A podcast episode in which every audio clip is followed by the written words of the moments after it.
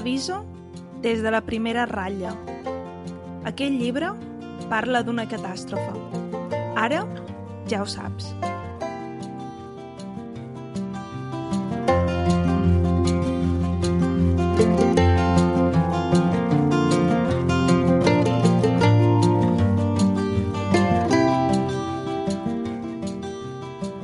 Els malsons de l'Axlin eren sis. Els galopants, les pelusses, els dits llargs, els nuosos, els crestats i els robaossos.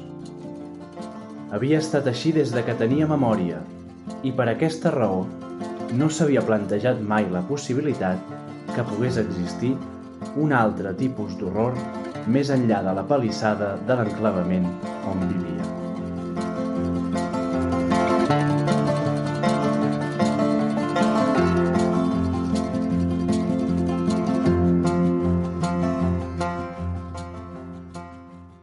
Sigueu benvingudes i benvinguts altra vegada a Tàndem.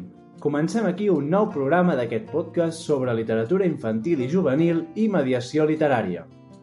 Soc el Guillem, mestre, defensor de les biblioteques escolars i hobbit en potència.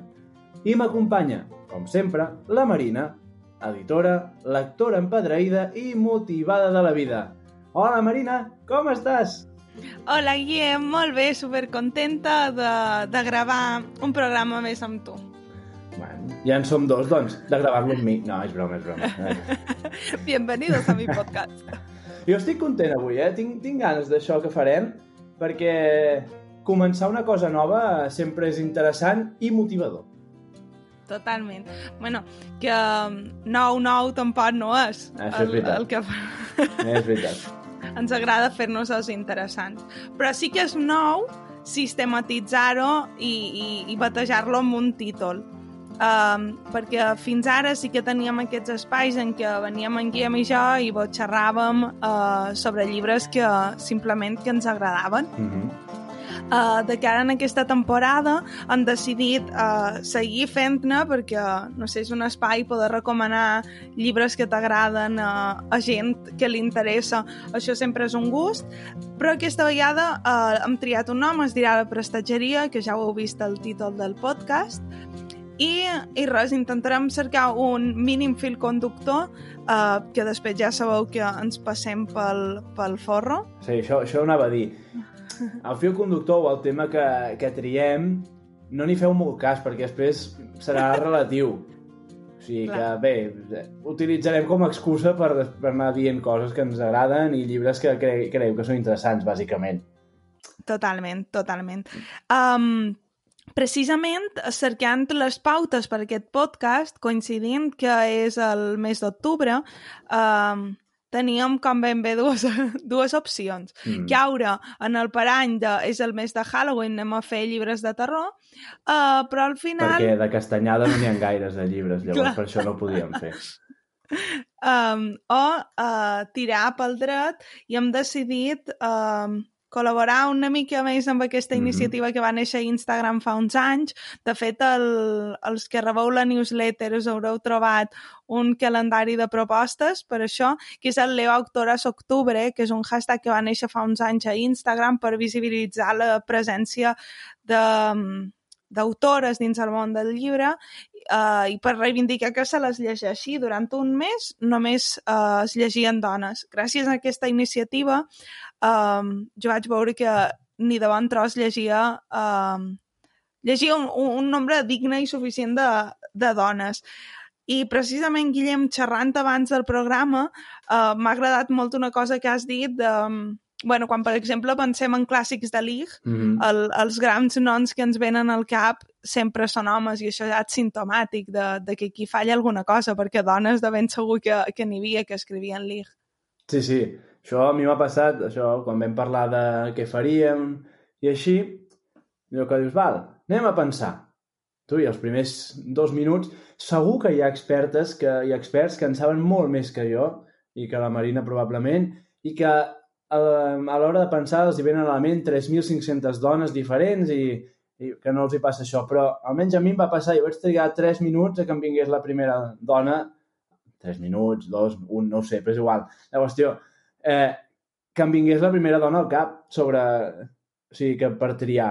I clar, això em va fer ràbia. Dic, home, estem en un món, precisament, que no és molt masculí, en aquest sentit, que sí que hi ha molts homes que es dediquen a la literatura infantil i juvenil, però és que també hi ha moltes dones que s'hi dediquen. Sí. Vull dir que aquí no, la paritat sí que... I, I, per tant, fa una mica de ràbia que els primers 10 noms que et vinguin, almenys a mi, siguin masculins.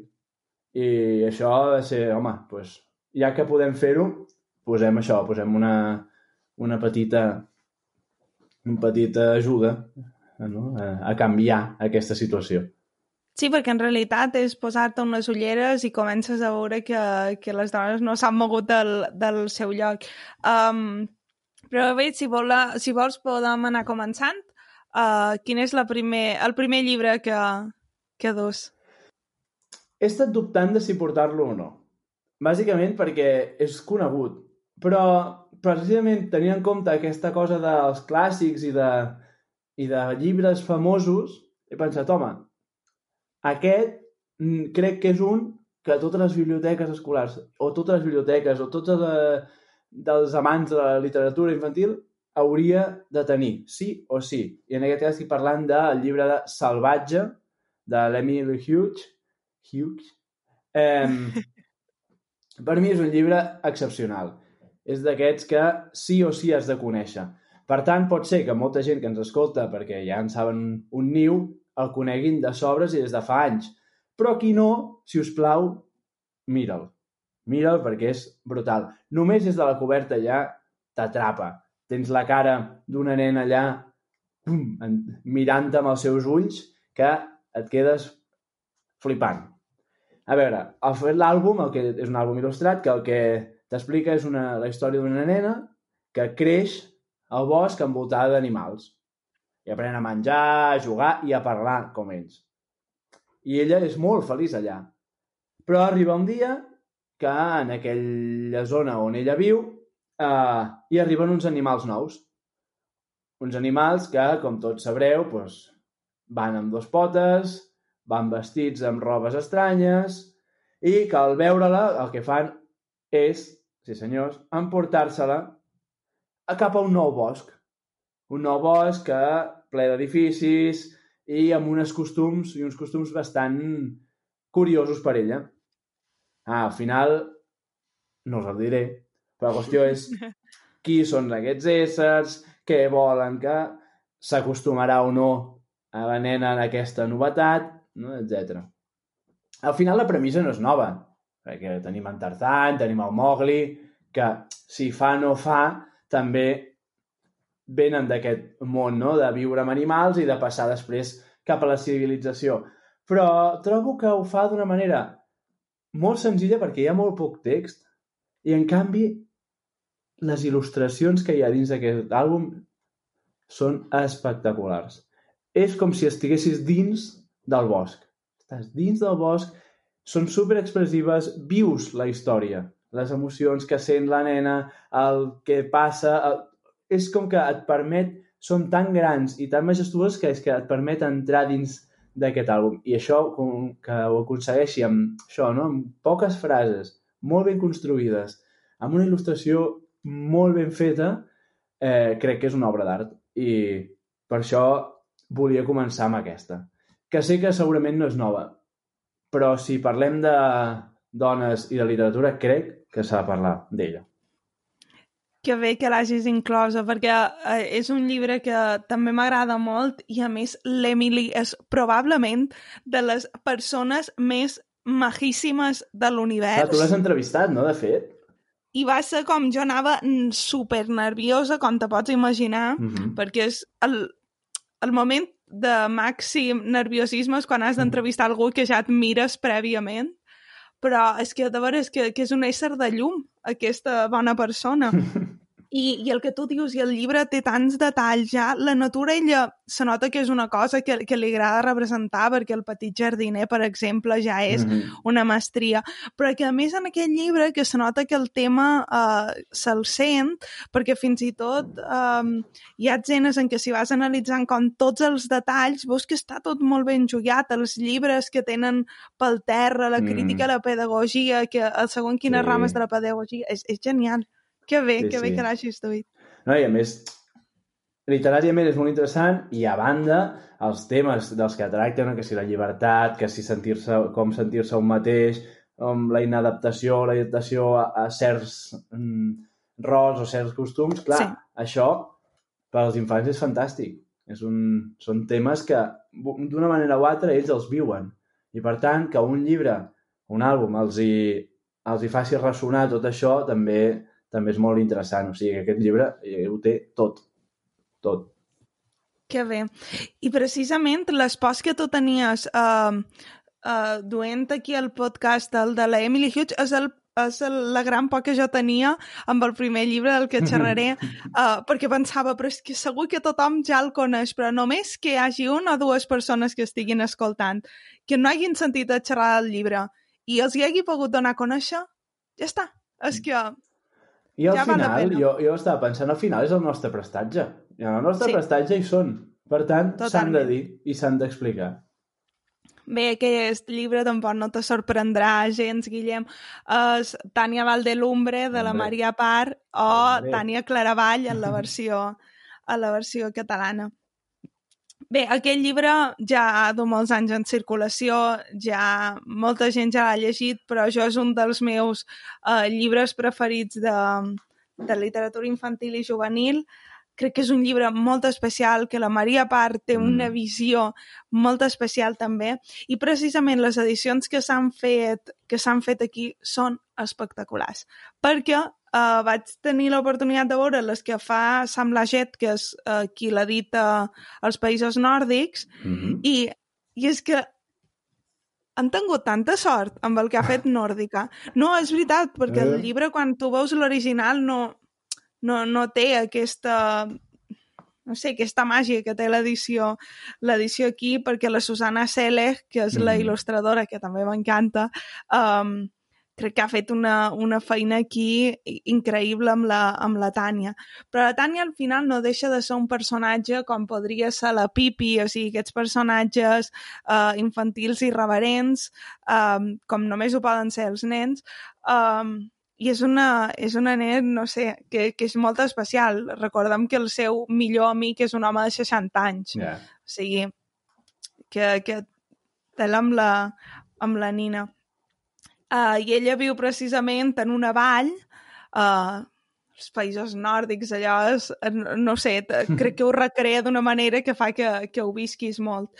Um, I precisament hi ha aquest debat tota l'estona pel, pel joc, perquè hi ha el, sempre aquest personatge, el Klaus Hagen, que, que odia els nins. I Podria que ser no... un d'aquells personatges de la pregunta de quin personatge de literatura infantil i juvenil odies. Totalment. Eh, és un d'aquests sí. que podria aparèixer tranquil·lament, no? Sí, perquè si la Tània és una pipi, el, el Klaus Hagen és quasi un personatge de Roald Dahl. Mm. Aquest tipus de personatges que no suporten que hi hagi nins al costat, que no els hi agrada el joc, um, i precisament la Tània, aquí la veus aquest punt de que és càndida com ella tota sola, però, però no és ingènua i, i ella lluita contra, contra aquesta norma del Klaus Hagen de al campament no hi ha de venents. Um, no em vull estendre massa més, però crec que és un, una autora que val molt la pena seguir perquè, a més, en Cors de Gofre va seguir al mateix nivell, si no el va superar, Um, I ara, a finals d'octubre, tindrem nou llibre de la ah, Maria Par. Ho vaig notícia, veure l'altre dia notícia. al catàleg de Nòrdica, així que no només Tània és un llibre molt especial i jo el destac perquè és el primer que vaig llegir d'ella i li tinc molta estima, sinó perquè és una autora amb una trajectòria que no crec que hagi decebut a, a cap lector. I a més jo crec que hi ha una altra cosa interessant amb Tània i és que no sempre és fàcil trobar llibres amb protagonistes femenines en literatura infantil i juvenil. Totalment. I, I costa que un nen vulgui llegir un llibre amb una protagonista femenina. I aquest és un dels llibres que aconsegueix aconsegueix aquest fet. És, és molt fàcil que una nena llegeixi tranquil·lament un llibre amb, amb protagonista masculí i s'hi identifiqui sense cap mena de problema. Però al contrari no sempre és tan fàcil i trobo que aquest llibre, entre d'altres, però aquest llibre ho aconsegueix bastant, això. Crec que també és un punt a favor. Sí, perquè a més és una protagonista femenina, però que, mm, que al final adopta un rol que s'ha reservat sempre als personatges masculins. Mm -hmm. O sigui, que que personatge que viu aventures, que fa coses... Um, I crec que precisament això que tu deies també està molt influenciat pel món dels adults. O jo a llibreria em passava molt, que, que eren els mateixos pares qui tu els hi presentaves la Tània i tu saps que jo ho he intentat molt Segur. amb la Tània No i deia, no, no, però és que és per un nen. Ja. I és com, estàs criant un monstru. però, però és una mica això que, um, que el que tu dius, l'universal sempre ha estat masculí i, Mhm. i costa que des de la, la part de, dels nins es sentin, es sentin reflectits. Però bueno, a poc a poc, a poc a poc. Eh, És anar, anar, anar trobant llibres com aquest i anar fent.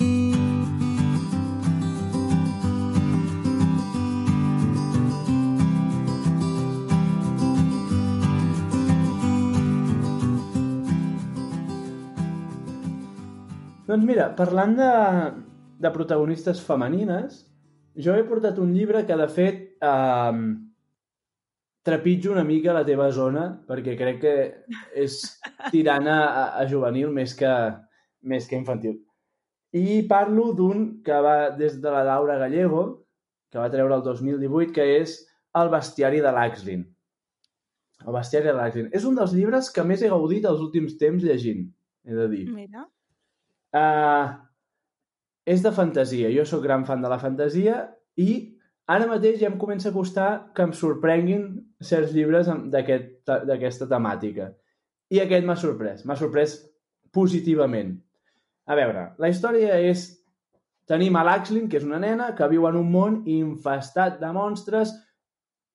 Cada un dels que et presenten és pitjor que l'anterior, val? eh, que són mortífers i que intenten acabar amb la raça humana. Bàsicament, vindria a ser això. Ella viu en un petit enclavament, un petit poblet, que està gairebé a punt de ser mm, destrossat per aquells monstres. Però ella té l'esperança de poder aconseguir derrotar els monstres a través del coneixement, cosa que la resta de gent no. De fet, penseu que estan en una, en una època, també és fantasia medieval, eh? eh, que en teoria han abandonat qualsevol estudi de ni de llegir ni d'escriure perquè no els hi serveix per matar monstres. Bàsicament és això. Llavors el que ella vol és aconseguir el màxim coneixement dels monstres per poder-los derrotar. Així que per aconseguir això emprèn un llarg camí i perillós i ple de sorpreses i ple d'aventures per això construir aquest bestiari que després li permeti pues, lluitar contra els monstres i acabar d'una vegada per totes amb el problema. I a partir d'aquí la història es complica, perquè penseu que és una trilogia, eh, es complica a nivells astronòmics. Què m'agrada d'aquest llibre? Primer, eh, les descripcions tant de personatges com de, dels llocs t'ajuden moltíssim a entrar en el, en el món i a viure'l, a viure com si tu estiguessis allà. No és recomanable ser-hi, per cert. Jo moriria, jo seria els que mor al primer, al primer moment, ja m'ho veig. Perquè jo, eh, bueno, en fi, no ho segueixo. La qüestió és que, a més a més, la, la Laura Gallego aconsegueix que, si tu llegint experimentis les emocions que experimenta la protagonista, tant les bones com les dolentes, i per tant hi ha moments en què et poses super nerviós, hi ha moments que tens por, hi ha moments que rius, hi ha, hi ha moments de tot, i això llegint és fantàstic. Per mi és una meravella ser capaç, o que ella sigui capaç, de transmetre aquesta, això, aquestes emocions i aquesta manera de- d'entendre. De, bueno, és una cosa trepidant, és fantàstica, té girs que no t'esperes. Eh, bueno, crec que és, és de, del gènere és, és una cosa molt, molt, molt completa i molt bona. I a banda, crec que és una cosa interessant també, no té gaire... És una mica com Joc de Trons, eh? Molt poc pèls a la llengua i si t'ha de matar un personatge, te'l mata sense cap mena de mirament. I això també crec que és una cosa molt, molt bona. Que bonic. M'agrada, m'agrada. Pels fans de la fantasia, fantàstic. I pels que no ho són, crec que també pot agradar. Mira què et dic. Mira, jo estic molt desconnectada de la fantasia perquè realment quan era adolescent era el que més llegia i, i d'adulta, no sé, m'he posat a llegir a, a llegir ficció i molt realista mm. uh, i ja està, i ho he abandonat a veure si, si ho reprenc algun dia. Doncs, si vols començar per un bon llibre, aquest... I a més a més, també és una cosa bona, la trilogia no perd la gràcia que a vegades passa, no? El primer llibre és molt bo i després els altres dos... Pff, eh, I aquest que trobo que ha sabut mantenir el nivell amb els altres dos. I què, què m'expliques tu? Va, quin és el segon? Um, un altre protagonista, bueno, dues protagonistes femenines. Ah, mira. És un llibre molt curiós d'una autora que també també us sonarà, que és el llibre de l'estiu de la Tove Jansson, que mm. és l'autora de la saga dels Moomin. Um, en aquest llibre, que ja sí que seria més per, per nins més grans i fins i tot adolescents, és un llibre molt singular, vale? aquest llibre de l'estiu, perquè combina com el millor de, bueno, no diria aventures, perquè no són grans aventures, són les aventures petites de, de la Sofia, una nina, que passa l'estiu en una illa petita, petita del golf de Finlàndia amb la seva, amb la seva àvia. Mm -hmm.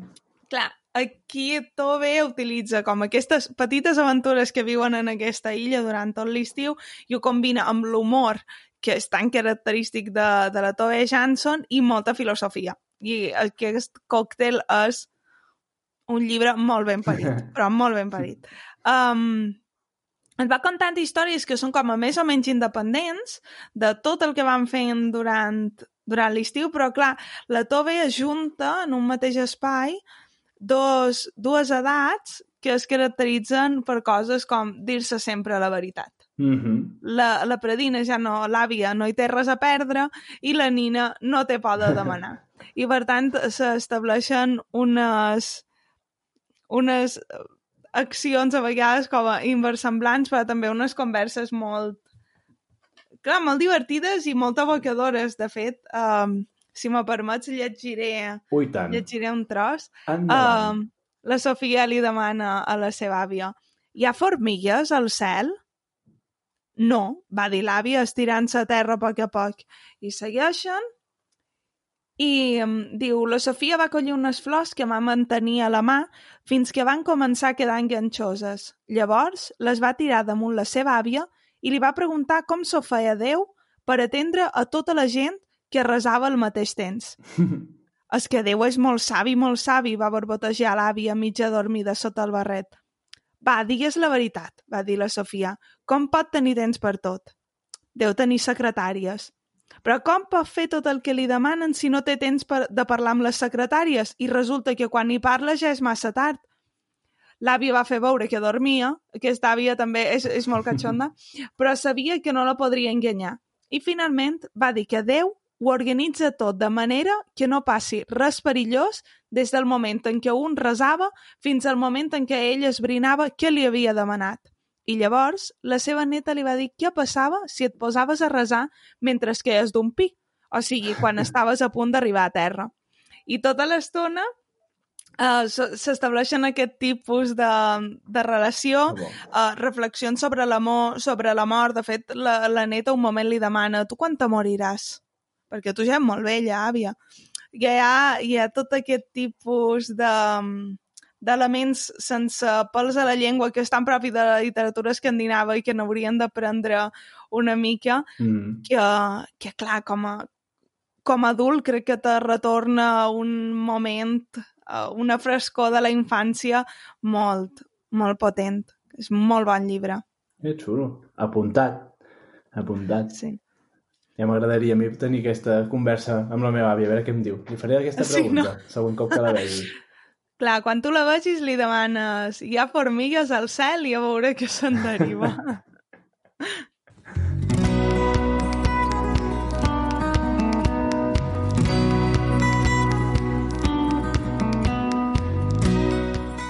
Molt bé! I en el meu prestatge, i en el nostre prestatge, no sé per qui el meu, el meu de tàndem, el meu, el nostre, no hi podia faltar un llibre de la Teresa Duran.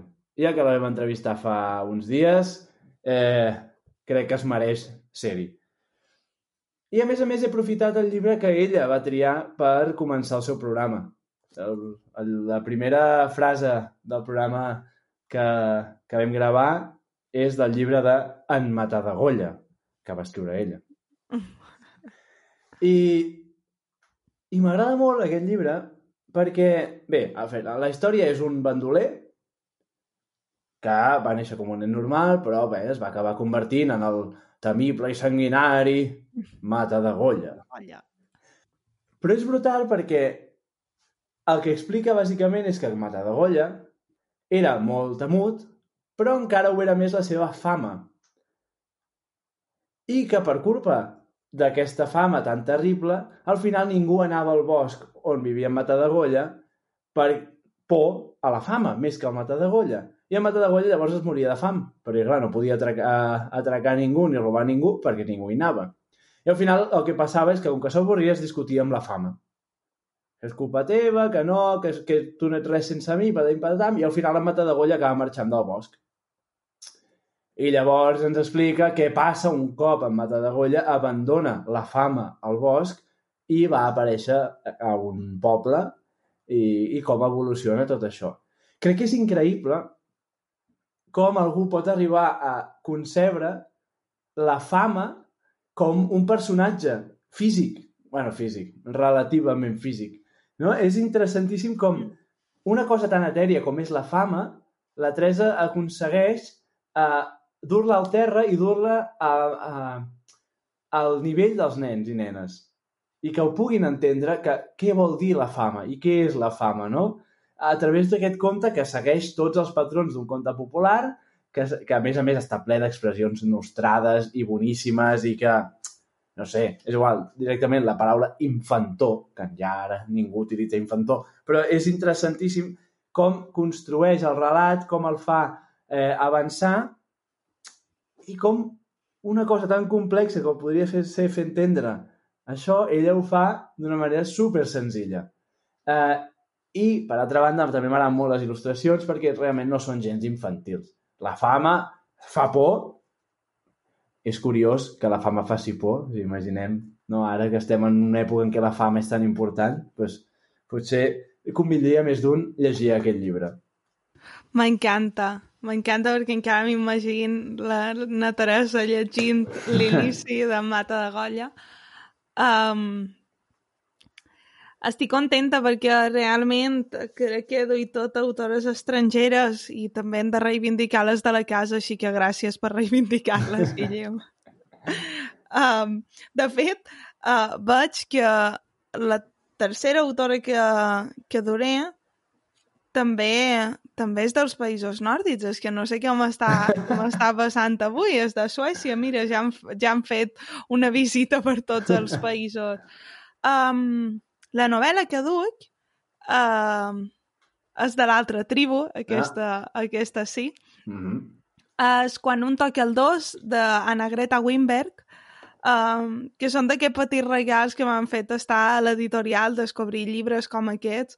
És un dels meus llibres preferitíssims de la col·lecció. Um, potser no el que ha tingut més èxit, pobret meu. Uh, així que sí, si puc animar algú a que el llegeixi, perquè és un llibre um, d'aquests de escalfora't al cor.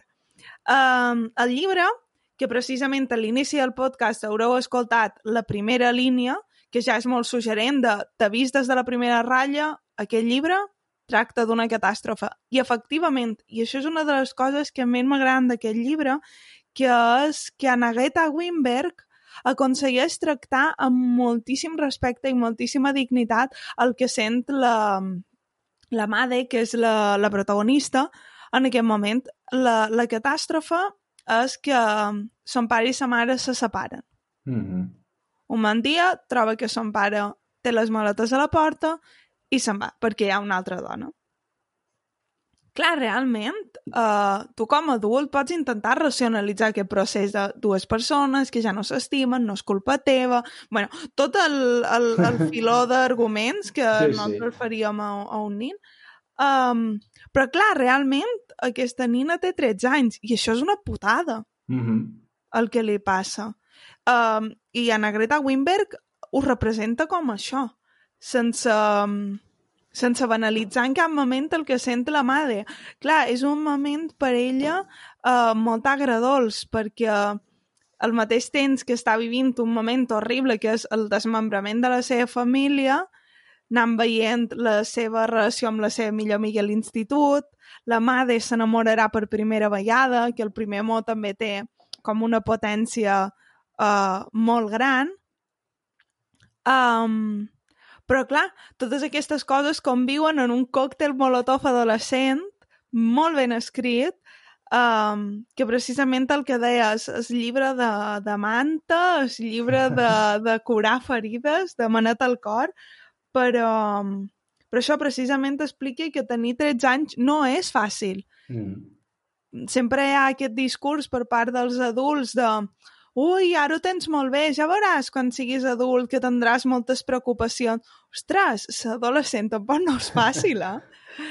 Allà hi ha una, una efervescència de sentiments importants i molts sentiments que encara no has tingut com l'oportunitat de donar-los nom, que això mm. -hmm. també que també és important. I a més, és un llibre que, que es va escriure... Mira, ho tenc aquí. 1972. Uh, o sigui que té els seus anys, però ha envellit superbé, perquè precisament um, hi, ha, hi ha un moment durant la novel·la que a la Nina li donen el consell típic i tòpic que et donen per... Un segon. Pausa per aigua. Ja Coses, Ja, sí, sí. coses del directe. Um, li donen el consell típic i tòpic que ens han donat a tots alguna vegada, que és, uh, bueno, que és, amb aquest nin no ha sortit bé, no te preocupis, ja en trobaràs un altre. I, I precisament, i li ve el consell a la mare de la darrera persona que ella s'esperava, no direm qui és, però li diu, ostres, no. O sigui, tu has d'aprendre a curar les teves pròpies ferides i a, i a, i a ser feliç per tu mateixa. Cap home ha de venir aquí per complementar-te. Ostres, 1972, saps? O sigui, que els anys li han passat superbé uh, i al final és una novel·la sobre fer-se gran i sobre els Mhm. reptes de, de, de fer-se gran quan el que passa és la vida.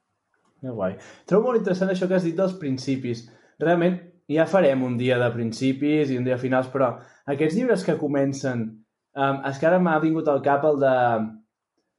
Uh, un seguit de desgràcies catastròfiques que diu aquest no és Sí. un llibre divertit, aquest és un llibre no sé què. També, només que comencin així ja, ja et dona una... ja et sorprèn, ja, ja et deixa parat, no? És que, de fet, aquell llibre que tu dius, um, jo de petita m'ha encantat i precisament va ser això. Uh, el tenia una amiga a casa seva, vaig llegir les dues primeres línies, li vaig haver de dir, mm, me'l deixes? clar, és perquè són molt suggerents. Clar, clar. I ja no parlem del tema adolescència i a sobre si se't separen els pares i si el teu primer amor, bueno, un festival aquí de, de tot. Déu-n'hi-do.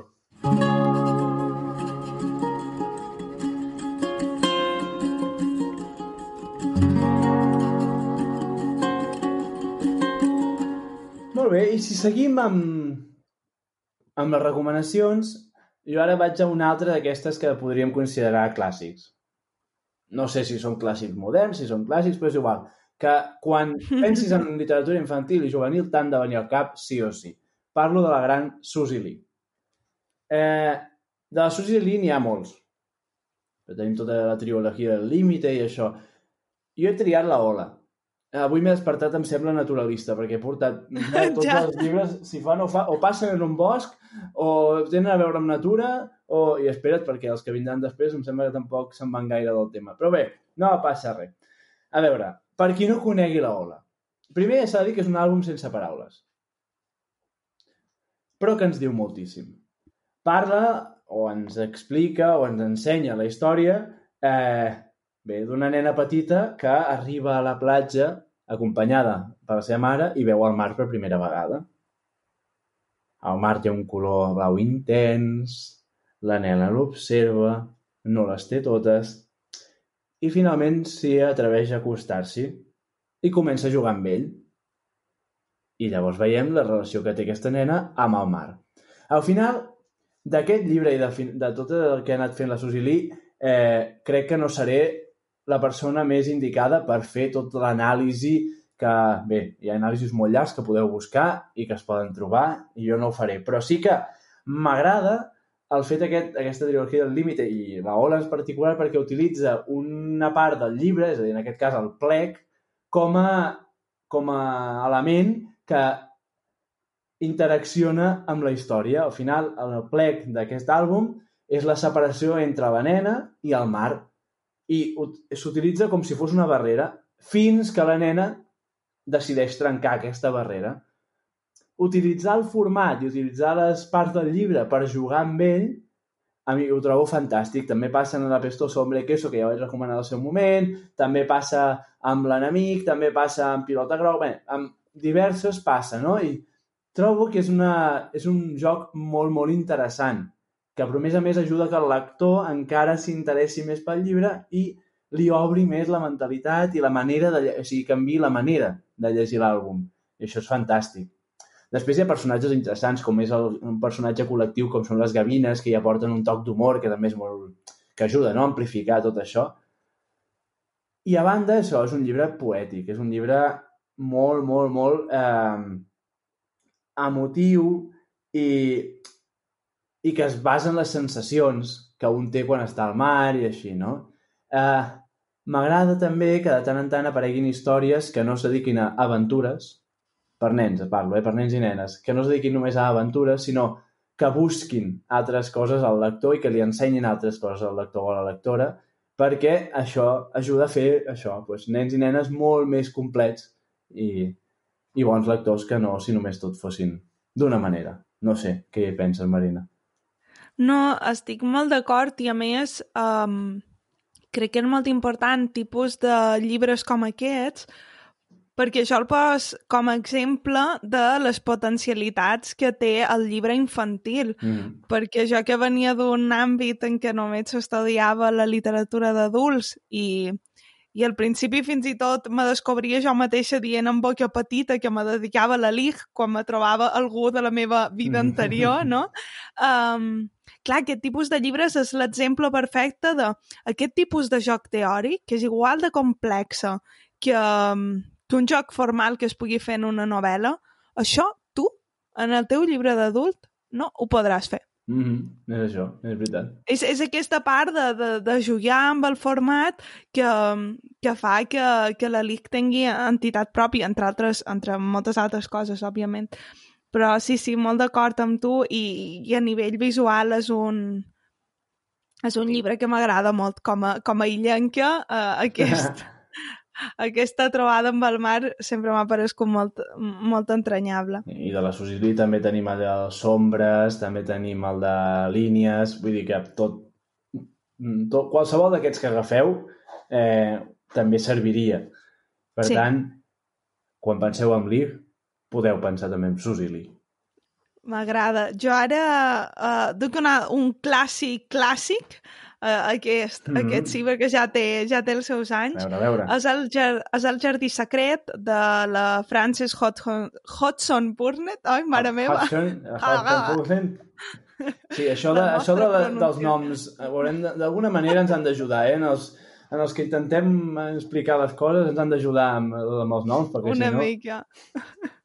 Um, bé, aquest llibre és un llibre molt tranquil, també, en un final, tot i que hi hagi una aventura, uh, crec que serien d'aquells llibres tranquils. No té una trama molt frenètica, perquè uh, m'imagino que molts coneixeu ja, ja la, la trama, o bé perquè heu llegit el llibre, o bé perquè vau veure la peli, o bé perquè heu vist la peli actual, que pel que he vist el tràiler és una versió com a molt màgica, molt...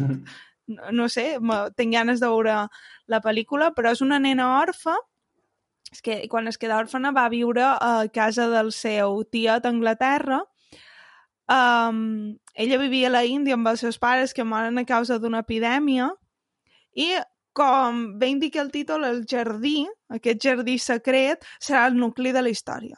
Mm -hmm. I és el gran protagonista. Aquesta nina descobreix aquest jardí que està, que està tancat, no sap ella per què està tancat, i el comença a... Diguéssim, a reconstruir per dins. És com el seu espai secret on ella se sent a gust, perquè aquella casa veurem que és una casa molt fosca, molt tancada en ella mateixa, fins i tot um, descobriràs que hi ha el Colin, que és el seu cosí, que és un nin com a molt escanyolit, que està convençut de que se morirà d'un moment a un altre, i el tenen allà tancat, que ella no sap ni de la seva existència, o sigui, com poden veure, és una vida molt tancada en ella mateixa, uh, i na Mary, que és una nina per altra banda, tot i ser la nostra protagonista, que és bastant insoportable, uh, és una nina molt mal criada, uh, però coneixen Deacon, que és un nen pobre, que jo crec que encarnaria com molt el paper de la natura aquí, perquè és un, és un nin que viu arrelat a la terra. Uh, que això ens passa molt ara, de, amb les grans urbes vivim sense estar connectats a la terra, poden tenir la, les mateixes plantes, les mateixes verdures, tot en qualsevol moment de l'any i no tenim ni idea de com funcionen els cicles de la natura. Aquest nin li trasllada tot això a la Mary i l'ajuda uh, a reconstruir aquest jardí. Aquest jardí també ajudarà que el Colin comenci a sentir-se millor i anem descobrint una mica més de, de la història d'aquest jardí. Clar, aquest llibre uh, té un, unes, una mica unes tensions, això que xerran de si envelleixen bé o de si no, en, és un llibre que han d'ignorar segons quines coses, han de perdonar segons quines coses que, que estan lligades al context. Uh, sobretot sobretot jo aquí, més que el gènere, que és el que sol uh, ser més un problema, aquí veig el tipus de mentalitat que és molt colonial, o sigui, la manera mm. com tracta els indis i els negres és una manera que ara mateix no, ja no tenim ni dins el nostre dins el nostre cap, però bueno, retrata un, un moment i una, una època històrica. I això sí, sí que té moltes coses que, que són molt interessants uh, aquest llibre, el llenguatge, el llenguatge és una cosa molt important en aquest llibre, les coses que es diuen, um, pensam en el Colin, li han repetit tant que es morirà que aquell nen està convençut, quan en realitat no té ni idea de, de què és el que li passa. És això, és un, és un d'aquests llibres, crec jo, que són per veure's amb calma i, i és dels meus com imprescindibles. Mm.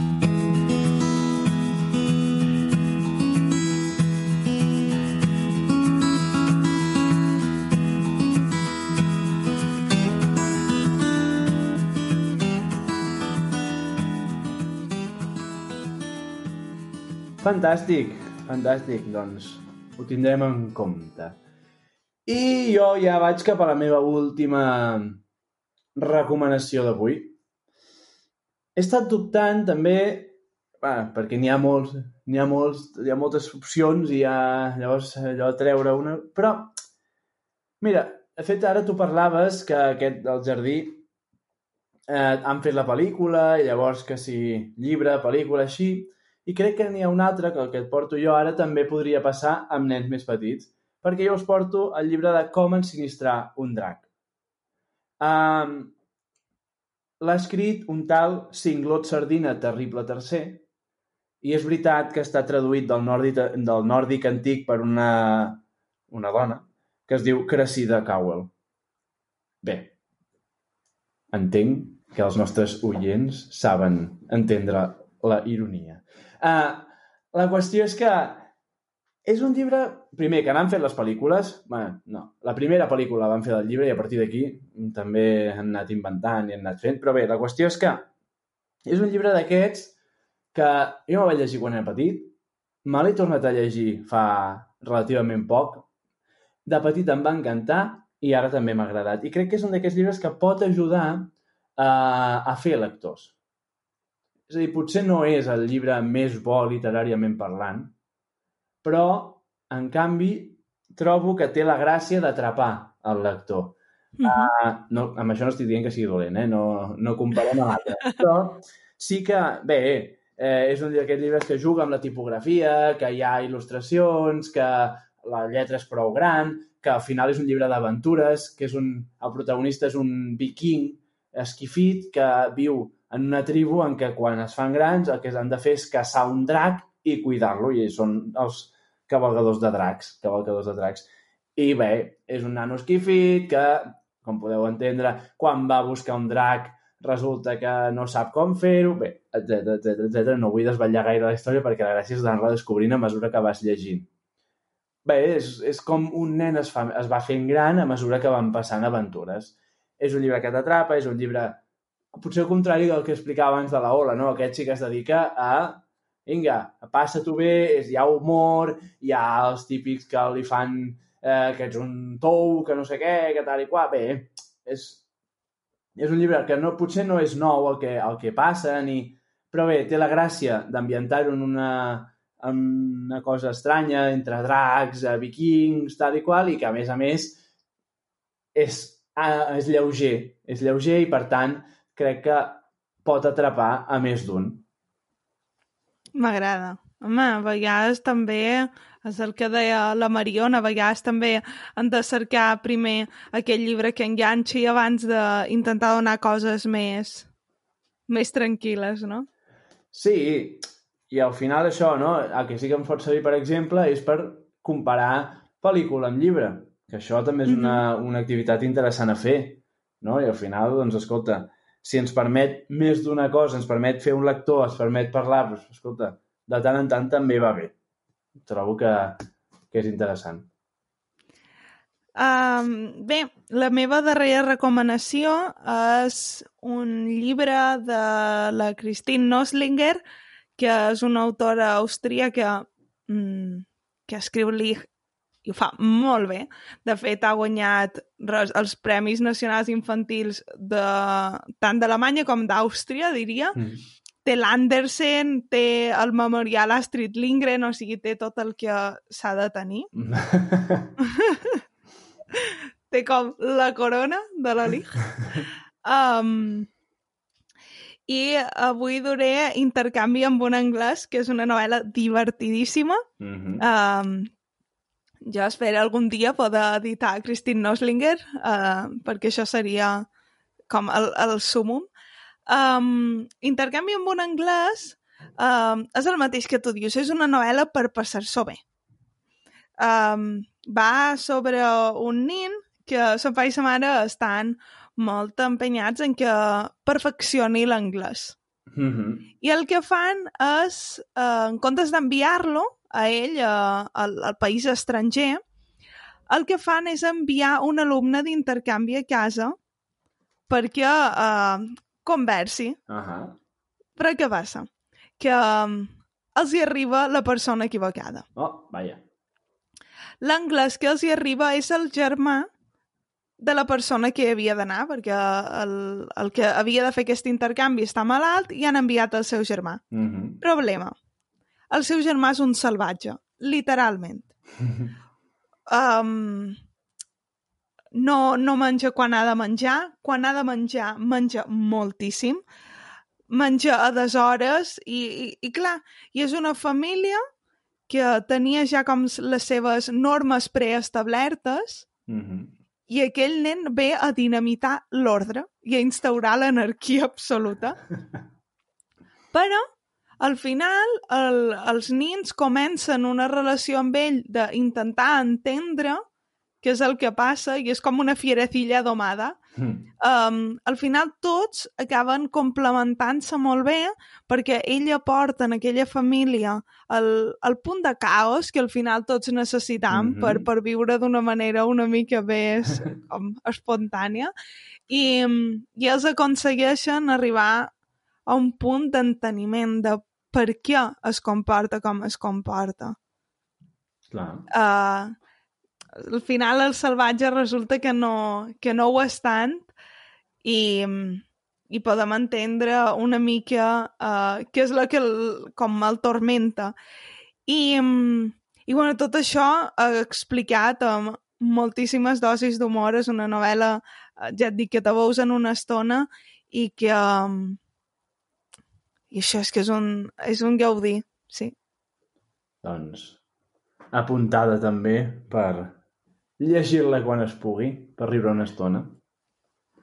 Bé, crec que ja està, no, Guillem? Sí, jo volia fer un, un, un, una postdata o un extra. Vale. vale. Perquè acaba de sortir que ara, fa poquet, un llibre que crec que és interessant, que sobre està escrit i il·lustrat per dues dones, per tant, entrava perfectament dins d'aquesta d'aquesta prestatgeria.